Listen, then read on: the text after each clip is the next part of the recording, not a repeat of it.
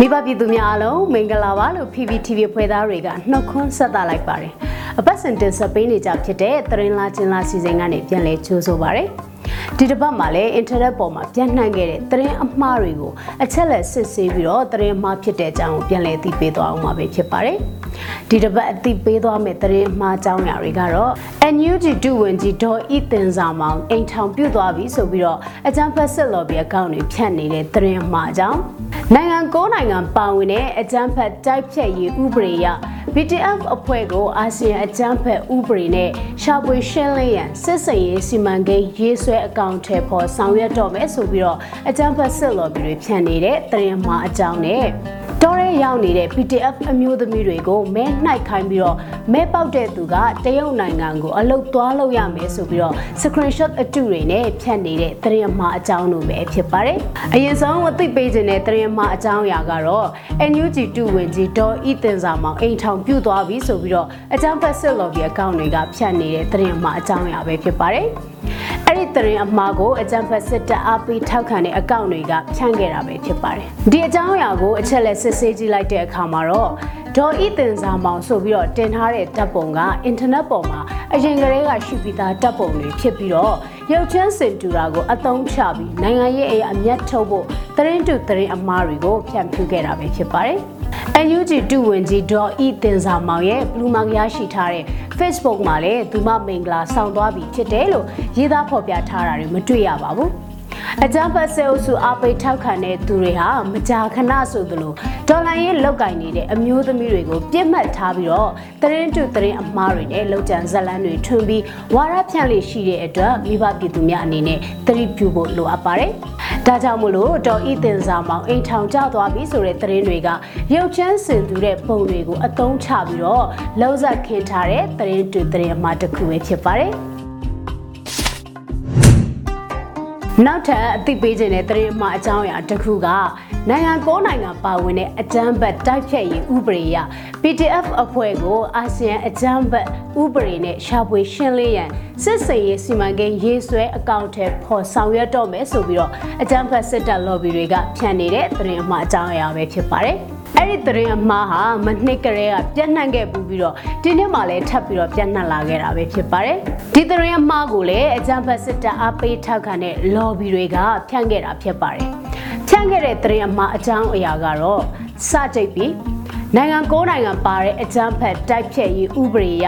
BTF အဖွဲ့အားအကြမ်းဖက်အဖြစ်လက်မှတ်ရေးထိုးသဘောတူပြီးဖြစ်ပါသဖြင့်အာဆီယံအကြမ်းဖက်ဥပဒေနဲ့ပါထပ်မံညှိစွန်းခဲ့ပြီး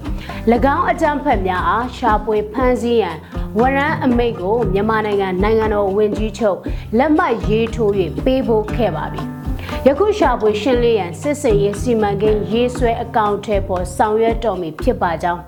BTF အကြမ်းဖက်ကိုအပြည့်သက်ချေမုံဖို့ဥပဒေပြုလက်မှတ်ရေးထိုးနိုင်ခဲ့ပြီ fighting မှာပြည်အောင်စုရှေ့နေချုပ်ဒေါ်တီရာဦး credit ဆိုပြီးတော့ရေးသားဖြန့်ခဲ့တာပဲဖြစ်ပါတယ်ဒီအကြောင်းအရာကိုအချက်လက်စစ်ဆေးကြည့်မယ်ဆိုလို့ရှိရင်အာဆီယံဟာအမျိုးသားညူရေးအစိုးရ NUG နဲ့အလို့သဘောဆွေးနွေးညှိနှိုင်းဖို့အတွက်မလေးရှားနိုင်ငံကအဆိုပြုသွားမှာဖြစ်တဲ့အကြောင်းကိုမလေးရှားနိုင်ငံရေးဝန်ကြီးကမေလတရက်နေ့မှာပဲ တရားဝင်ထုတ်ဖော်ပြောဆိုလိုက်တာဖြစ်ပါတယ်ဒီလိုမျိုး NUG နဲ့အာဆီယံစတင်ဆွေးနွေးဖို့လမ်းကြောင်းတွေအပေါ်ကိုအကြမ်းဖက်စစ်ကောင်စီကပြင်းပြင်းထန်ထန်ကိုကန့်ကွက်ခဲ့ပြီးတော့ online ပေါ်ကစစ် lobby တွေကလည်းအခုလိုမျိုးအချိန်ကိုက်အာဆီယံအကြမ်းဖက်ဥပဒေအရ BTF အဖွဲ့ကိုချိန်မုံဖို့အတွက်လှုပ်ဆောင်နေပြီဆိုပြီးတော့ရခင်ကဖြန့်ခဲ့တဲ့သတင်းအမှားကိုကြံရမရဘဲနဲ့ပြန်ပြီးတော့ဖြန့်ခဲ့တာပဲဖြစ်ပါတယ်။ ဒါကြောင့်မလို့အကြမ်းဖက်စစ်တပ် lobby တွေဖြန့်နေတဲ့နိုင်ငံကိုနိုင်ငံပါဝင်တဲ့အကြမ်းဖက်တိုက်ဖြတ်ရေးဥပဒေအရ BTF အဖွဲ့ကိုအာဆီယံအကြမ်းဖက်ဥပဒေနဲ့ရှာဖွေရှင်းလင်းရန်အတွက်စစ်စင်ရေးစီမံကိန်းရေးဆွဲအကောင့်ထဲပေါ်ဆောင်ရွက်တော့မယ်ဆိုတဲ့အကြောင်းအရာကအခြေအမြင့်မရှိတဲ့လောက်ကျန်ဖန်တီးထားတဲ့တရင်တူဖြစ်တယ်ဆိုတာကိုအသိပေးခြင်းပါတယ်။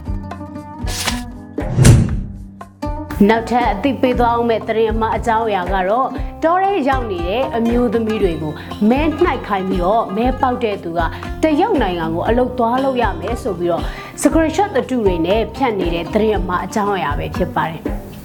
အဲ့ဒီသတင်းအမှားကိုအကြံဖတ်စစ်တပ် lobby အကောင့်တွေက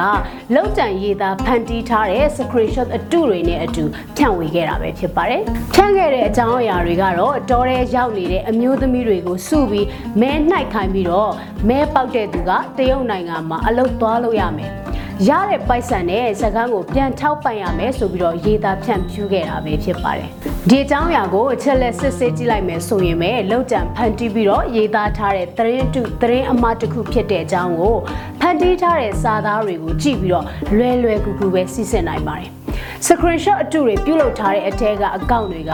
ဆက်အာနာရှင်တော်လန်ရေးကိုလောက်ကင်နေတဲ့အကောင့်နာမည်တွေကိုယူပြီး Photoshop နဲ့လောက်တံဖန်တီးပြီးတော့ရေးသားထားတာပဲဖြစ်ပါတယ်။ အကြမ်းဖက်စစ်အုပ်စုအားပေးထောက်ခံတဲ့သူတွေဟာမကြာခဏဆိုသလိုပဲတော်လန်ရေးလုပ်နေတဲ့အမျိုးသမီးတွေကိုပြစ်မှတ်ထားပြီးတော့တရင်တူတရင်အမားတွေနဲ့လောက်တံဇက်လန်းတွေတီထွင်ပြီးတော့ဝါရဖြန့်လေးရှိပါတယ်။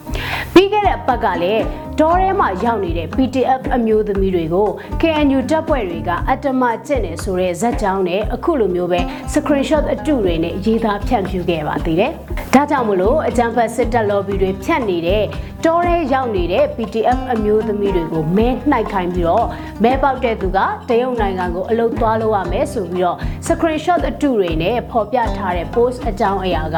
လောက်တံဖန်တီးထားတဲ့သတင်းတူသတင်းအမှားပဲဖြစ်တယ်ဆိုတာကိုအသိပေးရင်းနဲ့ဒီတစ်ပတ်အတွက်သတင်းလာကျင်လာစီစဉ်ကိုတော့ဒီမှာပဲရန်နာခွင့်ပြုပါမိဘပြည်သူများအားလုံးပဲဘေးရန်ကင်းကွာပြီးတော့သတင်းမှားအန်တီရတွေကနေလွတ်ကင်းကြပါစေလို့ဆုမကောင်းတောင်းပေးလိုက်ရပါတယ်။